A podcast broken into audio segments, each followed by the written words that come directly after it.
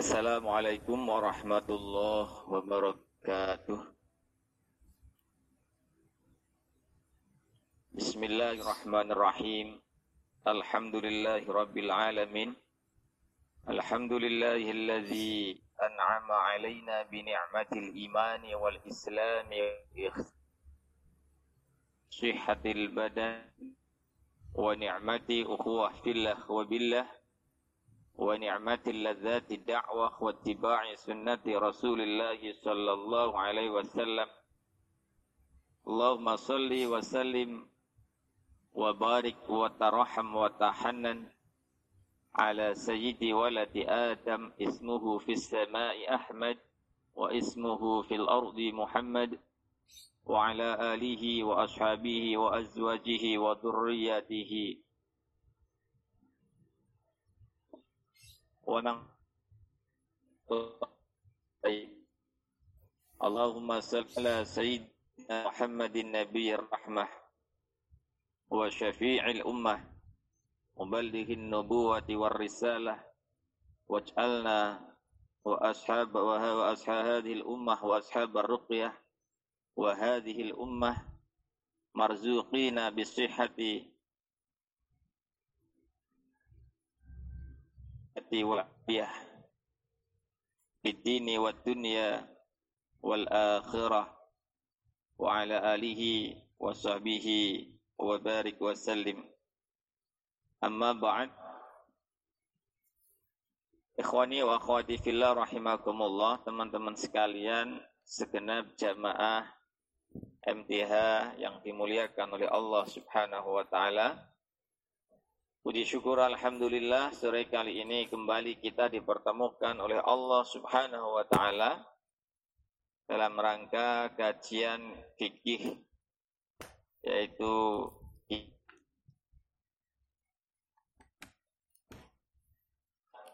dengan kitab yang kecil ini. Yang pertama Allah memberikan hidayah kepada kita. Yang kedua para ulama para guru-guru kita, masyaih kita dari guru-gurunya, dari guru-gurunya yang bersambung sampai Rasulullah Muhammad sallallahu alaihi wasallam. Dan yang ketiga dalam rangka tafaqquh fid din may yuridillahu bi khairan yufaqihu fid din. Ikhwafillah rahimakumullah dan sore kali ini Pak insyaallah kita akan membahas beberapa pasal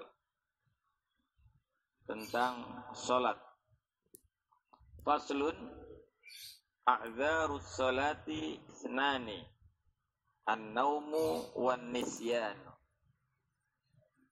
Jadi pasal membicarakan tentang Ada satu pasal A'zarus sholat Jadi uzur-uzurnya sholat Isnani itu ada dua. Jadi termasuk uzur Yang ketika kita terhalang melakukannya Itu dua hal tapi bukan berarti terus kemudian ditinggalkan. An-naumu wan. Yang pertama yaitu tidur, wan nisyanu dan yang kedua lupa. Jadi ketika kita tertidur, misalnya apa itu namanya bangun kesiangan itu. Bangun kesiangan tidak sempat sholat subuh, maka kita kemudian mengkodonya di waktu itu juga. Maka ketika meninggalkan sholat subuh di waktunya karena tertidur, tadi dianggap sebagai uzurnya sholat, an-naumu. Tapi kalau tidurnya itu memang sudah tahu disengaja. Misalnya yang pertama, kalau kita begadang malam, terus kemudian kita tertidurnya itu sampai menjelang subuh, tahu kalau itu tidur nanti pasti akan bangun kesiangan, kesiangan tetap kita tidur, maka di situ tidak bisa disebut uzur murni. Dia secara fikih karena tertidur itu uzur murni, tetapi dia kena kena dosa.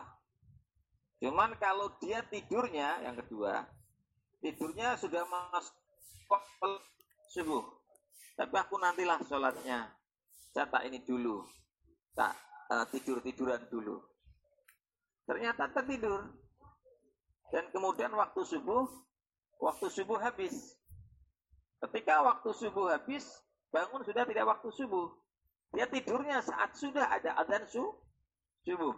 Maka itu tidak disebut uzur an Dia sudah termasuk uh, fawailul musallin juga.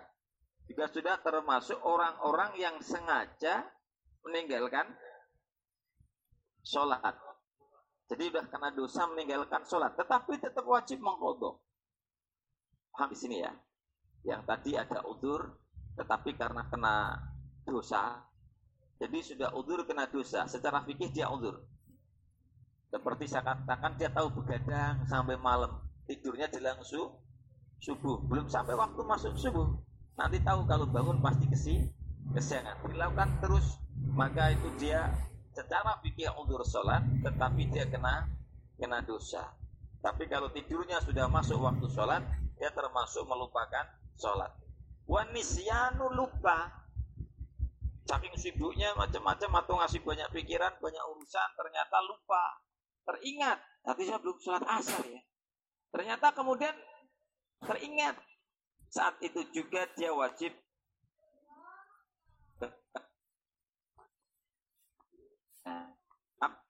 dosa orang lupa tidak sholat, tetapi tidak sholat tidak bisa diruksoh dalam pengertian kalau begitu lupa enggak? Ini tetap dikodo. Karena sholat itu wajib kondisi apa pun kita. Kalau nggak bisa berdiri, kita dituruh duduk. Nggak mampu duduk, disuruh tidur berbaring. Bermiring. Tidur kemudian nggak bisa, ya cuma isyarat-isyarat doang. Tetapi sholat tidak pernah ditinggalkan. Paham ya sampai di sini ya? Berikutnya faslun. Surutus sholati samaniatun. Syarat-syaratnya sholat sama niatun itu ada delapan. Toharatun, toharatul ini. Yang pertama suci dari dua dua hadas. Hadas kecil dan hadas hadas besar. Hadas kecil seperti kentut, pipis, BAB itu termasuk hadas hadas kecil. Hadas besar adalah junub atau ikhtilam, mimpi basah. Wattoharatu dan suci anin najasati dari najis. Fisaubi di dalam pakaian, wal badani di dalam badannya, wal makani dan di dalam tempatnya. Jadi setelah suci dari dua hadas, yang kedua suci dari najis. Baik itu pakaiannya, baik itu badannya, baik itu tempatnya. Kita sholat, Allahu Akbar ternyata langsung kejatuhan apa itu namanya uh, kotoran tokek gitu. Lu, kan? batal salat kita. Najis. Ternyata yang kejatuhan sajadah kita. Batal karena itu tempat. Karena sajadah itu kan berarti tempat kita yang membatasi gitu ya. Tempat itu berarti berarti ini. Sama seperti ngajak anak gitu. Ibu-ibu gitu kan yang diajak itu adalah apa itu namanya kena apa itu namanya pipisnya anaknya misalnya tiba-tiba anaknya pi, pipis najis maka bah, batal sholatnya pakaiannya suci badannya suci tempatnya juga juga suci. Wasatrul aurati dan menutup aurat.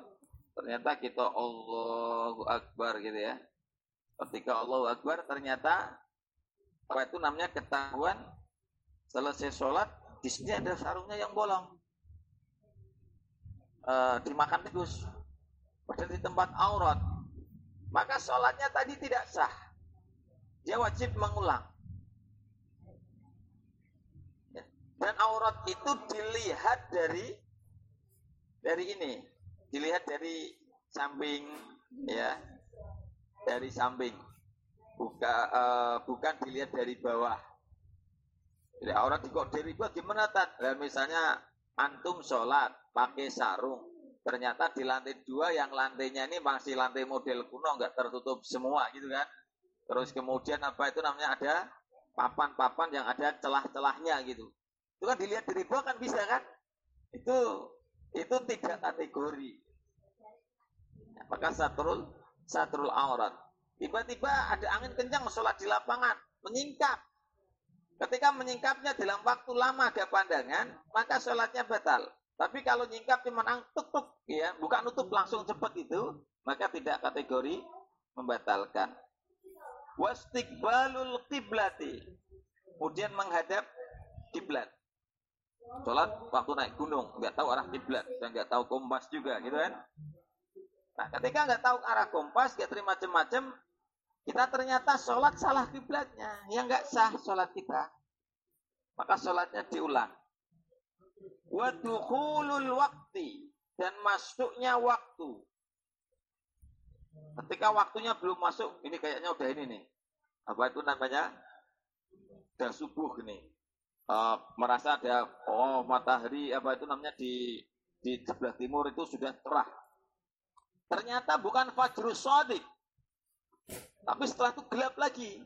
Ternyata ketika lihat jam masih jam 3. Dikira udah subuh. Dia sholat subuh. Itu fajrul kadhib, fajar yang boh. Karena bukan fajar yang asli. Maka tidak sah mengulang wal ilmu dan mengetahui bi fardiyatiha dengan fardu-fardunya salat. Wa alla ya'taqida fardhan min furudiha sunnatan. Dan dia tidak meyakini bahwa fardu jadi fardu-fardunya salat itu adalah sunnah. Ya. Jadi mengetahui fardu-fardunya salat. Dan tidak meyakini fardunya salat sebagai sunnah wajtinabul mubtilat. Ya. wajtinabul mubtilat al ahdath isnani jadi menjauhi dari perkara-perkara yang membatalkan. Al ahdasul al ahdatsu isnani asghar wa akbar. Nah, hadas itu ada dua penjelasan hadas tadi. Asghar yaitu hadas kecil. Wa akbar hadas hadas besar Wal asgharu hadas kecil ma aujaba al wudu adalah hal-hal yang mewajibkan wudu. Wal akbaru dan hadas besar ma aujaba al husla. Tadi ma aujaba al wudu'a itu kalau kalau yang mewajibkan kita untuk mandi maka disebut hadas besar. Itu penjelasannya di situ. Berikutnya Al-auratu arbaun. Penjelasan dari aurat tadi. Jadi hadas sudah dijelaskan ada hadas besar, ada hadas hadas kecil. Hadas besar mewajibkan mandi, hadas kecil cuma mewajibkan wudhu. Sekarang penjelasan al-auratu arbaun. Aurat itu ada empat. Auratul rajuli mutlakon. Satu yaitu auratnya laki-laki mutlak amati dan auratnya perempuan amat. Amat itu budak. Sekarang nggak ada. Bisolati di dalam sholat. Ingat ini aurat di dalam sholat. Ma baina surah warukbah.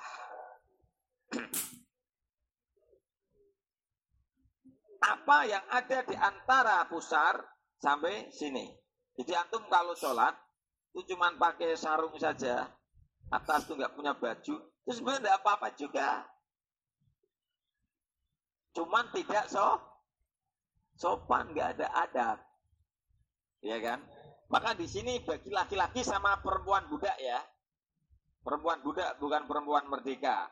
Itu auratnya surah mabati warukbati.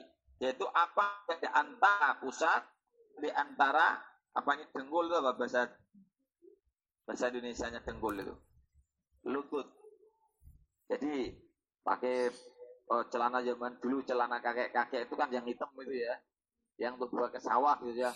Sholat cuma pakai itu saja yang penting uh, sudah di atas apa pusar sama di bawah lutut dikit itu.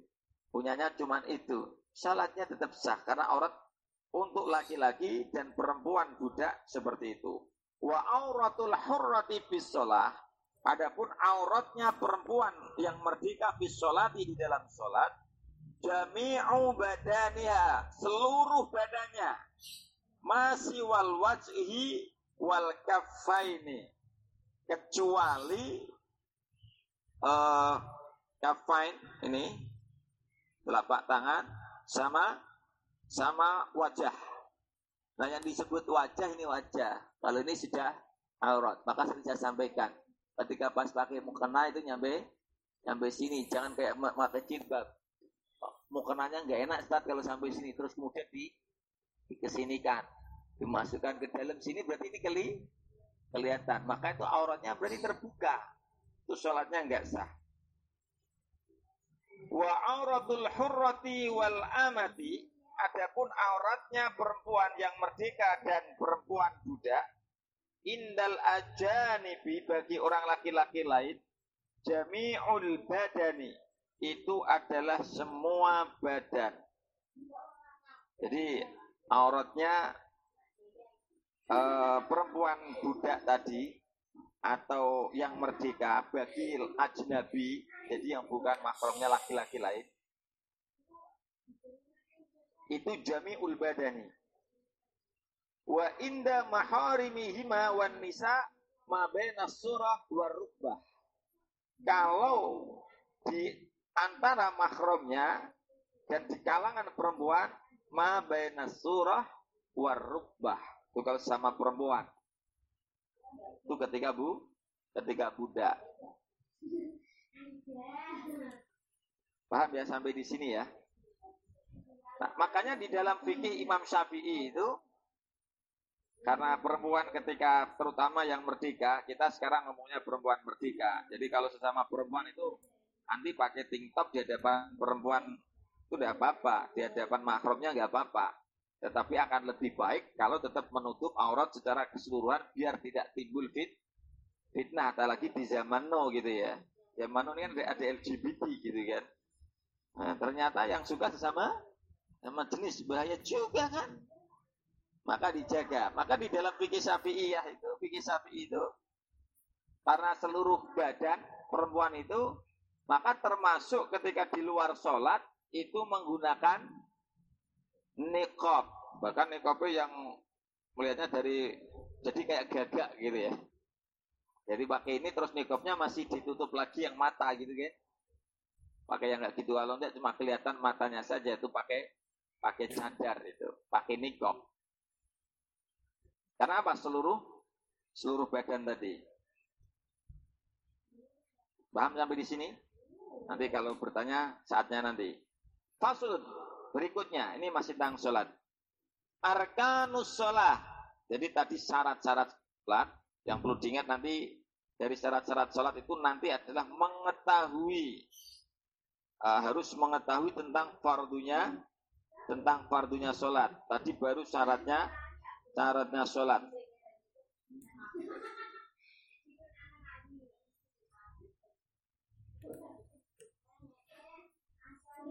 Nah, sekarang arkanus sholat. Rukun-rukunnya sholat.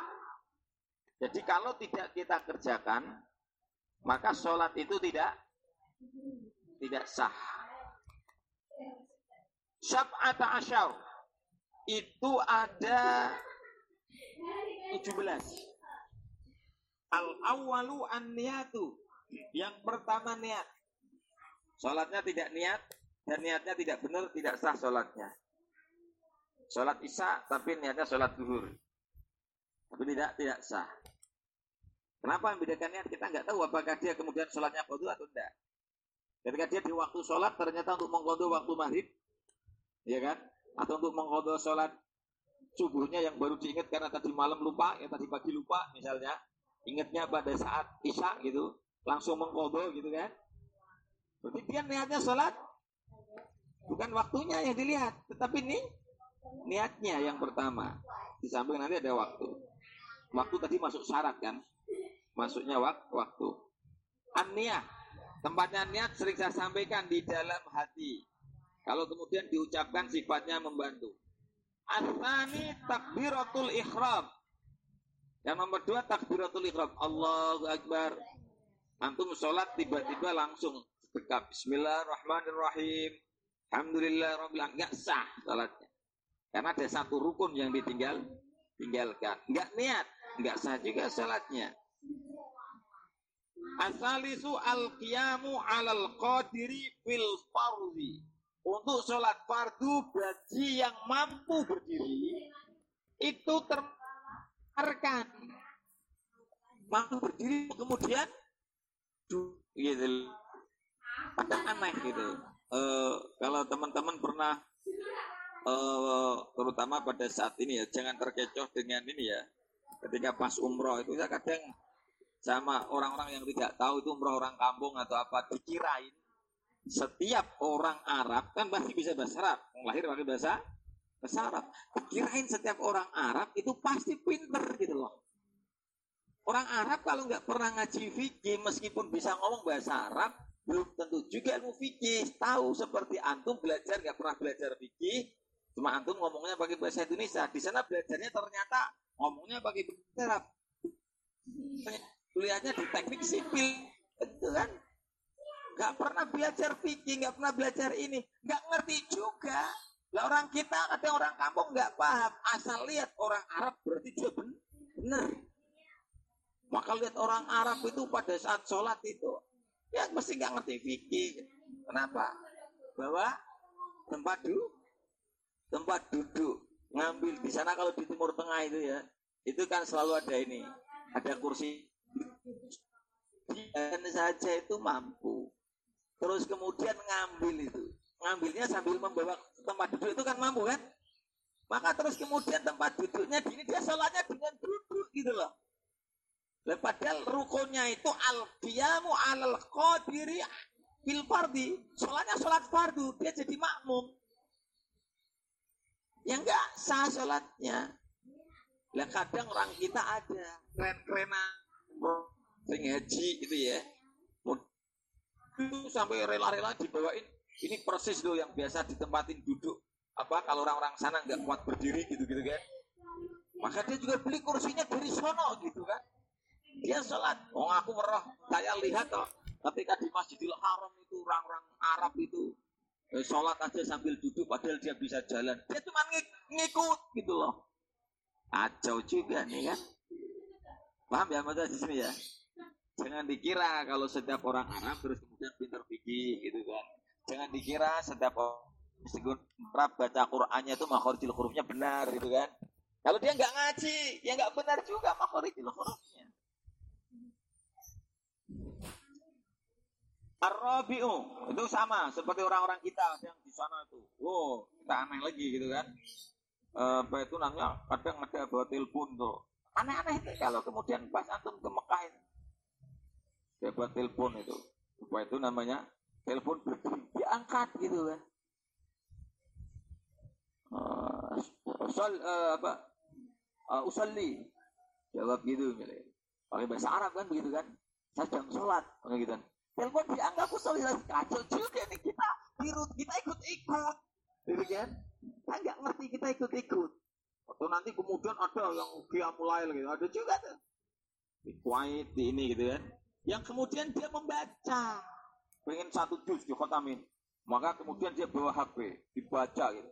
Dengan mem membawa HP-nya tuh juga enak aja gitu ya. Itu kalau kemudian dengan gerakan utama sampai tiga kali berturut-turut indah syafi'i, au, au syafi'iyah atau syafi'iyah, ya batal. Tapi ngambil ini satu gerakan. Iya kan? Itu berarti satu gerakan. Dia kalau kemudian apa itu namanya mengembalikan berarti dua dua gerakan.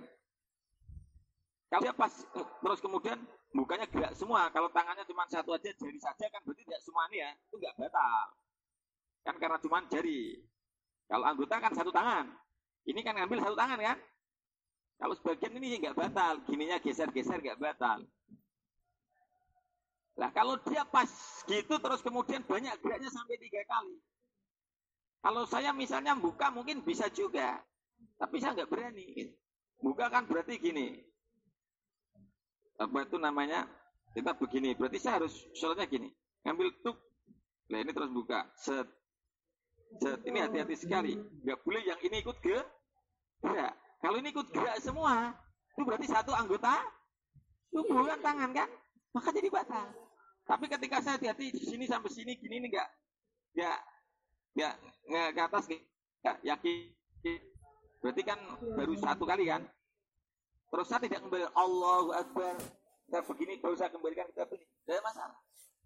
Maka saya ngimami itu ketika pernah ngimami tapi data itu pakai mic. Micnya ya satu Allahu Akbar. Nah pas ngimami di mana itu ya? Dia mulai itu enggak ada ini. Jadi mic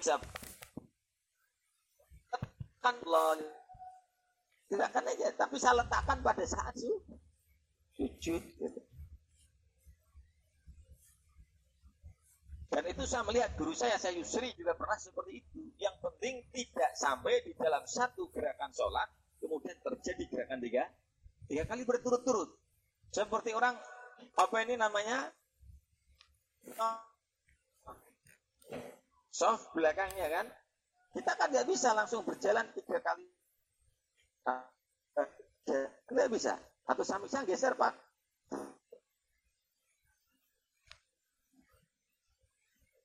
Ketika ruku. Nah kan, ruku udah lain lagi kan? Gerakan yang lain. Etidal. Jadi ketika gini ya, Allahu Akbar, sana kosong. Ternyata sop, sopnya agak jauh. Tidak bisa langsung ini, saya langsung isi. Jadi Kaki dua kan bergerak. Maka saya baru kemudian ketika rukuk gini, ini saya nggak apa-apa. Baru nyampe. Atau kemudian etidal baru saya mati gitu. Bukan langsung kemudian jalan satu, dua, tiga dengan enak aja gitu kan. Itu berarti batal sholatnya. Paham sampai di sini? Kiraatul Fatihah Kemudian membaca surah Ah, itu termasuk rukun. Maka nggak bisa ditinggalkan. Rabi qiraatul Fatihah. Soal bahwa kemudian kalau Syafi'iyah itu bismillah ba'dun min suratil Fatihah.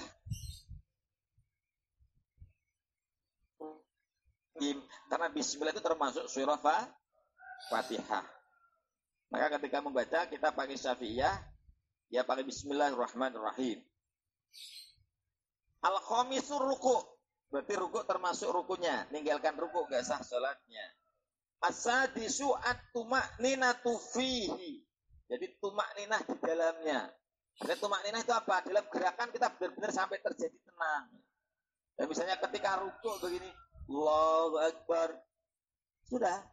Sudah sampai begini. Bukan kita begini kayak manuk Allahu Akbar ayam nutul gitu. Itu berarti gak cuma? Pak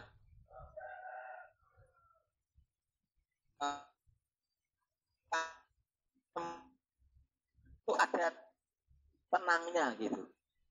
Nah ukuran tenang itu uh, nempel tapi bukan seperti matok ayam. Ayam matok makanan. Tuh gitu kan matok itu.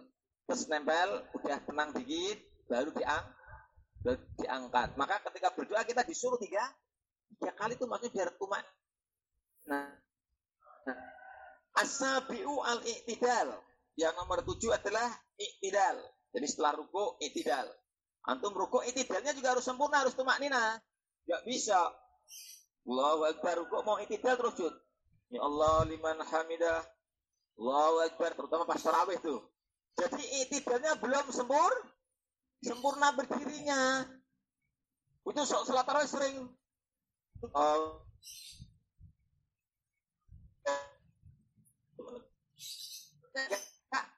nggak sah itu karena belum tidak sempurna dan kemudian tidak tumak nih nggak tumak nina Gimana tuh ada yang sholat tarawih sholatnya yang jadi viral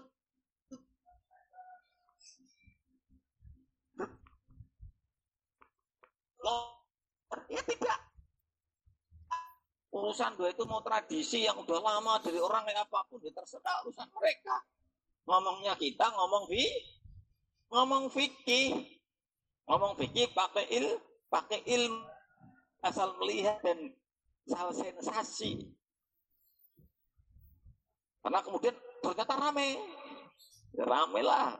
7 menit 23 rakaat gitu kan. Akhirnya sholat tidak niat jadi sholat, niat jadi untuk viral. Nah, repot. Asaminu atumak ninatu fi. Di dalam iktidal tumak ninah. Atasi'u sujud asujudu marrota ini. Yaitu uh, sujud sekali. Al-ashiru nomor 10 at-tumak ninatu fi. Tumak ninah di dalamnya. Al-hadi ashar al-julus bena sajdatain. Yaitu duduk di antara dua dua sujud kan itu juga harus tumak ninah ketika sujudnya ketika duduk di antara ninahnya asani asyar at-tumak ninatu asalis asyar at-tasyahud al-akhir. Jadi yang disebut arkanus sholah itu tasyahud akhir bukan tasyahud awal tasyahud awal. Tasyahud awal ternyata lupa ya tidak membatalkan sholat. Kan rukun tetapi kita wadah apa itu namanya? Kita disunahkan untuk kemudian sujud sah sujud sahwi Ar-Rabi asar al-qu'udu fi. Kemudian posisinya tasyahud akhir duduk di dalamnya. Al-khamisa asyar as-salatu ala nabi sallallahu alaihi wasallam fi. Membaca salawat kepada baginda Nabi Muhammad sallallahu alaihi wasallam di dalam tasyahud akhir tadi. As-sadisa asyar as-salam, yaitu salam. Nah, salam itu yang kedua itu kategori sun sunnah sebetulnya, tidak wajib. Artinya itu Assalamualaikum warahmatullah. Ternyata kentut, saya langsung berhenti. Ketika antum udah kentut, berarti udah tutup. Kita kentut nggak kuat. Assalamualaikum warahmatullahi wabarakatuh. Gitu kan? Kok terus terang Assalamualaikum ya batal salatnya. Ini bilang Assalamualaikum warahmatullahi kentut udah selesai. Paham? Asabi asyar at-tartib. Kemudian tertib. Sholatnya dilakukan dengan dengan tertib. Nah, itu eh, teman-teman eh, sekalian. Nanti ada penjelasannya. Fasul niatu. Jadi penjelasan dari rukunnya sholat. Ini penjelasan lebih gamblangnya. Salasu darojatin. Ada tiga derajat atau tiga tingkatan.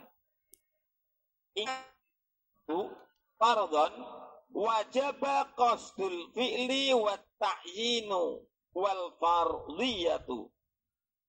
Jadi kalau sholatnya itu sholat fardu, niatnya itu wajib. Disengaja perbuatannya untuk sholat fardu ditentukan untuk sholat far fardu. Wa ingkanat nafilatan muakkotatan atrotibatin wajaba qasdul fi'li wa ta'yinu wa ingkanat kalau niat uh, kalau kemudian sholatnya sholat sunnah muakkotah Sholat sunnah yang sudah ditentukan waktunya. Seperti atau ada sebab. Ya. Atau ada sebab. Sholat apa itu namanya? Uh, sholat sunnah yang sudah ditentukan duha sudah ditentukan rawatib ditentukan sudu itu berarti ada sebab sebab itu baru kemudian sholat sunnah maka apa? Wajib qasdul fi'li wa ta'hinu. wajib menentukan uh, sholat itu dengan ditentukan niatnya tadi. Tapi wa kanat na telah kota salat sunnah wajib qasdul fi'li fakot. Jadi cuma wajib untuk niat perbuatan sholatnya saja. Ketika sholat sunnah mutlak, oh, berarti tidak ditentukan. Tapi kalau duha, waktunya duha, itu ditentukan. Sholat hajat, niatnya sholat ha? Sholat hajat, sholat hajat. Nah, ya, antum sholat sunnah mutlak, maka ulama-ulama dulu kalau sholat sunnah itu bisa, sholat tuh bisa ribuan roka. Itu karena mutlaqah. Al-fi'lu usalli wa ta'inu zuhran au asran wal fardiyat fardat. Fi'lu. Ya itu namanya al-fi'lu. Wa ta'yinu menentukan misalnya zuhur asar. Itu menentukan. Wal fardiyat itu far fardon paham ya sampai di sini ya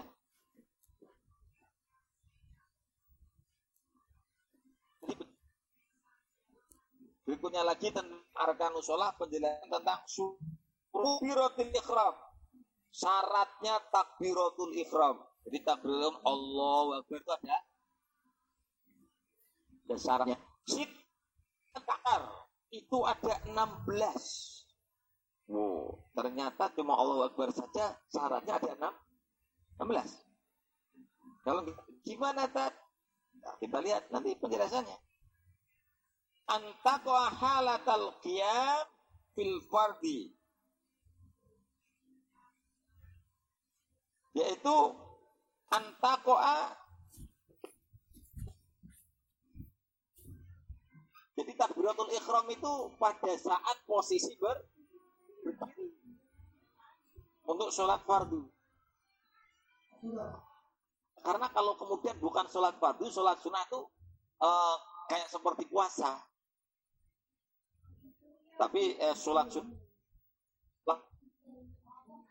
Tadi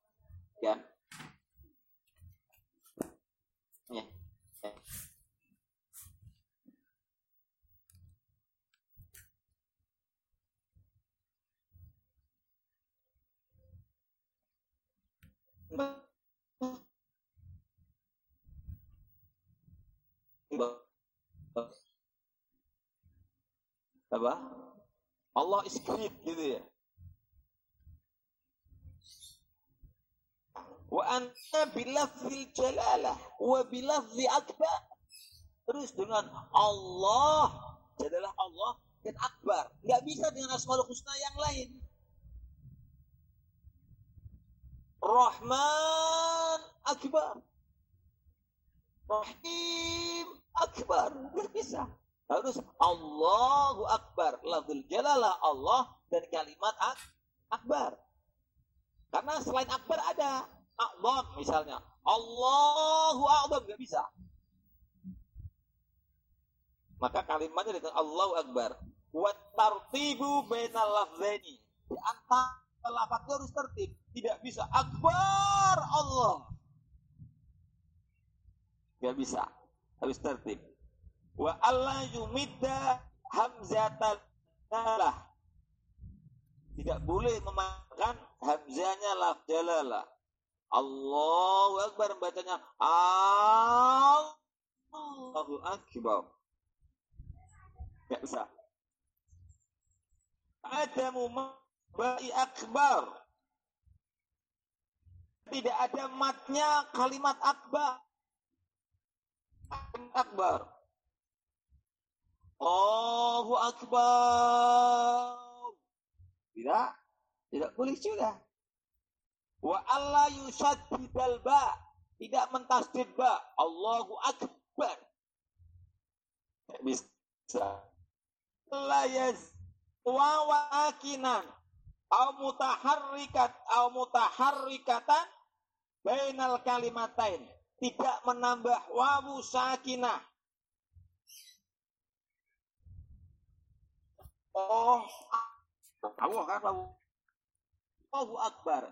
Ini berarti harus belajar makhorijil huruf, belajar tajwid. Allahu Akbar. Tidak boleh. Allahu Akbar. Berarti ada wa? Wa padahal Allah, Allahu Akbar. Sami Allahu liman hamidah. Itulah pentingnya tajwid. Ternyata itu membuat sah tidaknya takbiratul ikhram kita.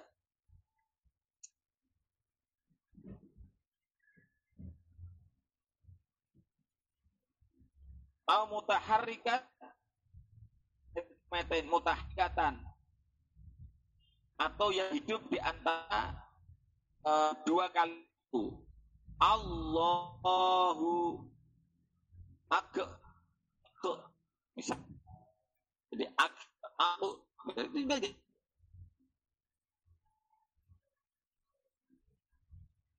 Wala tambahi jalalah Allahu akbar. Tambahin wawu. Mungkin ini sering kali kesalahan betul kan yang nulis timur tengah kan? Pasti nggak pernah ya dengar wallahu akbar kayak sumpah dan nambahin wawu wa alla yaqifa baina kalimat takbir waqfan tawilan wala qasiratan. Dan kemudian tidak berhenti di antara dua kalimat takbir. Baiknya kalimat takbir dua kalimat takbir tidak wakaf. Allah Akbar. Tidak boleh. Berarti ada diwakafkan. Allahu Akbar tidak boleh Allahu Akbar nggak boleh Allahu Akbar nggak boleh. Allahu Akbar, nggak boleh. Allah Akbar. Berwakaf.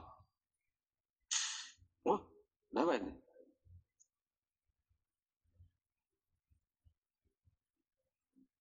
Berhentinya wakaf tadi tawilah wala qasirah. Baik itu lama maupun sebentar. Allah Akbar. Allah Akbar. Yang pertama Allah wakaf tetapi dengan pendek. Allah Akbar nggak boleh. Allah Akbar nggak boleh. Wa ayyusma'a nafsahu jami'a khurufiha. Kemudian telinganya sendiri mendengar bacaannya. Meskipun orang lain Oh, Akbar minim telinganya sendiri mendengar. Gimana Ustaz kalau ternyata tunarungu? Ya, nggak ada masalah tunarungu kan. Dia nggak dengar, mau dikerasin kamu juga nggak dengar. Nggak masalah juga bagi yang memang kesusahan. Orang pelo, tahu pelo ya? Itu kan tidak biasa sempurna makhluk hurufnya. Memang asli dari Allah seperti itu. Ya sah sholatnya. Nanti antum bilang nggak sah. Likuli said mustasna ya. Besok nggak sholat dia gitu ya. Aduh, ya Allah. Wa dukhulul waqti fil muaqqat. Jadi masuknya waktu di dalam sholat-sholat yang sudah ditentukan waktunya. Sholat uh, mau sholat sunnah maupun wajib. Sholat sunnah yang ditentukan waktunya duha ternyata tidak sholat di waktu duha nggak bisa. Antum masih waktu subuh sholat duha nggak nggak bisa. Nanti saya soalnya waktu duha sibuk kan ini daripada sholat nanti saya dahulukan gitu kan? Nggak bisa. Wa iqa'uha halal istiqbal. Ketika takbiratul ikhram sudah betul-betul menghadap kiblat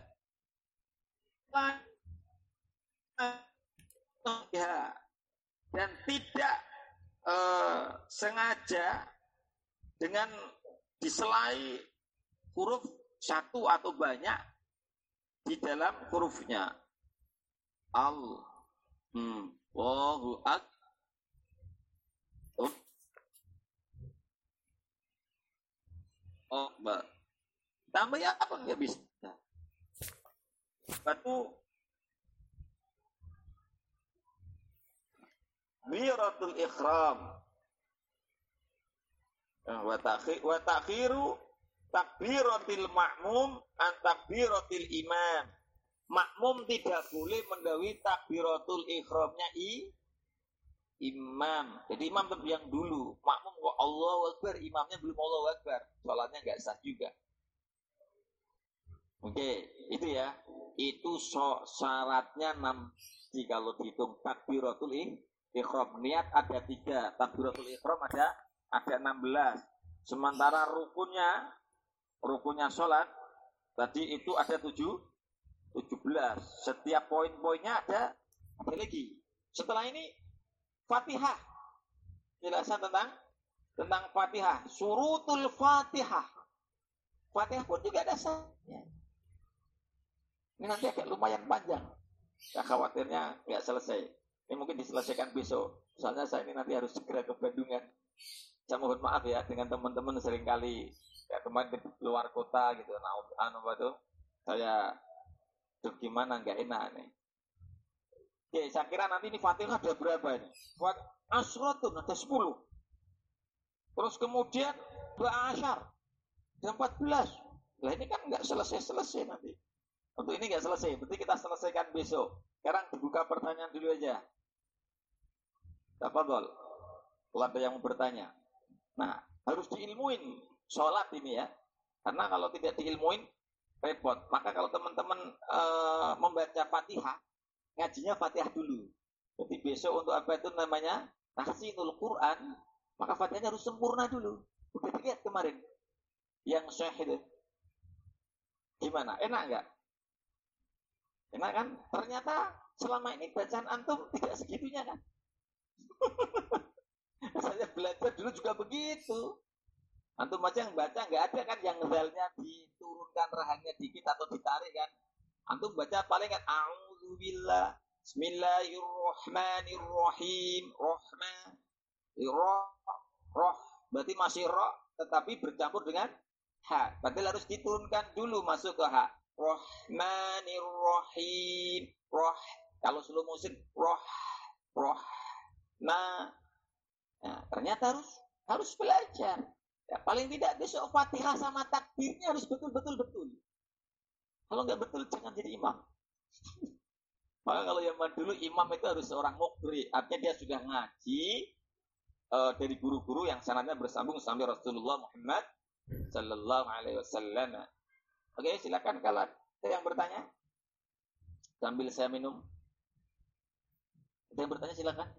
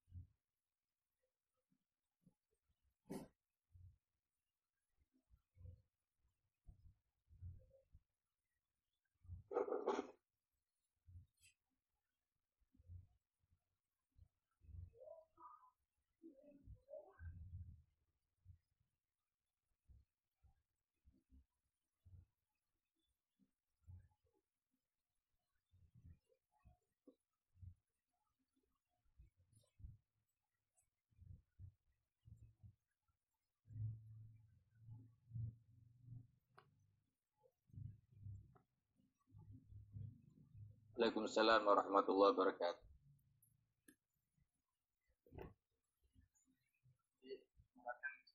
Misalnya harus terhindar antara hindar dari najis.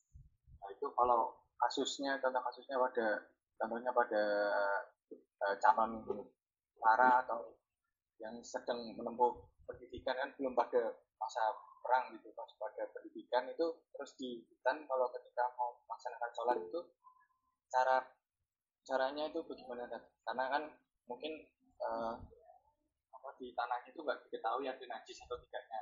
Sebaiknya yeah. apakah pakai bajunya untuk alas sholat atau tetap pakai pakai bajunya gitu ya tentara itu ya.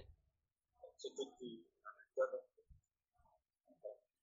Oke, baik. Kalau dia kemudian banyak kan melewati sungai, ya kan? Nah, sungai itu kan airnya ketika mengalir itu kan suci dan menyum, menyucikan. Debunya juga nggak najis. Dan itu kecuali dia nyemplung ternyata sudah tahu betul, tahu betul najis.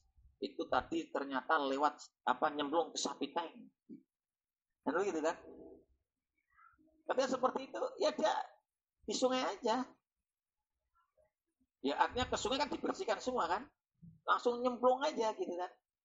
Nyemplung sungai itu kan membersihkan semua ya kan nyemplung sungai itu kan bersih semua. Jadi meskipun ada lumpur ada apa semua itu ada sungai itu kan terus kemudian ke sungai sungainya artinya kayak banjir itu sungai sungai warna apa itu namanya debu itu ya apa coklat itu ya.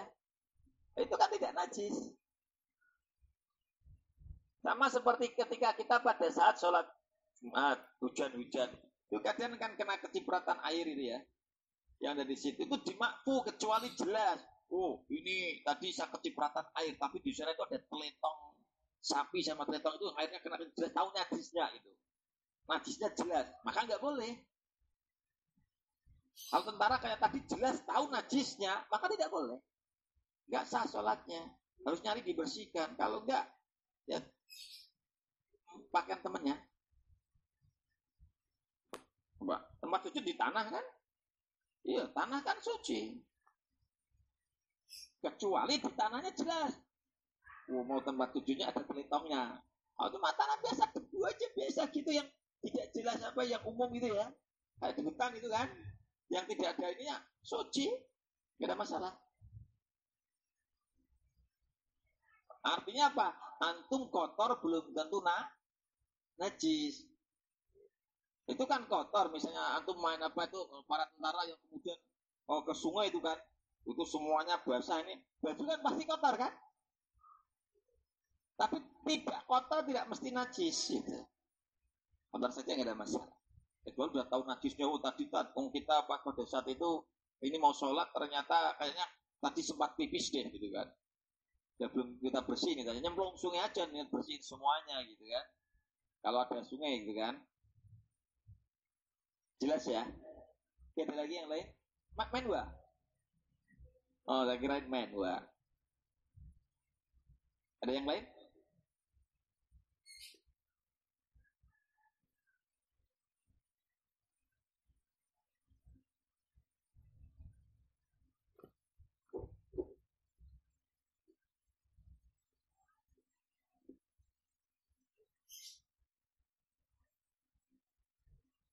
atau yang ikut online?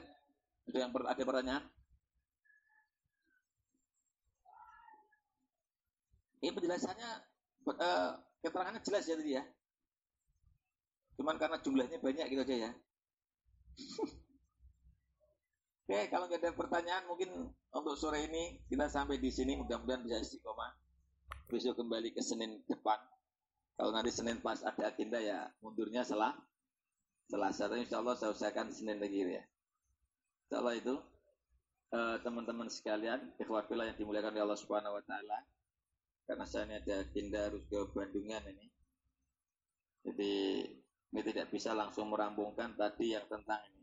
Belum besok tentang fardunya, fardunya sholat, jadi ada agak lumayan. Saya kira itu yang bisa saya sampaikan jika ada kebenaran datangnya dari Allah Subhanahu Wa Taala jika ada kesalahan pasti dari kebodohan saya. Jika antum sekalian menemukan kebenaran, ambillah kebenaran itu. Jika menemukan kesalahan, maka ingatkanlah saya. Saya pasti mau menerimanya. Hadza fastaghfiru walakum wal afu minkum. Assalamualaikum warahmatullahi wabarakatuh.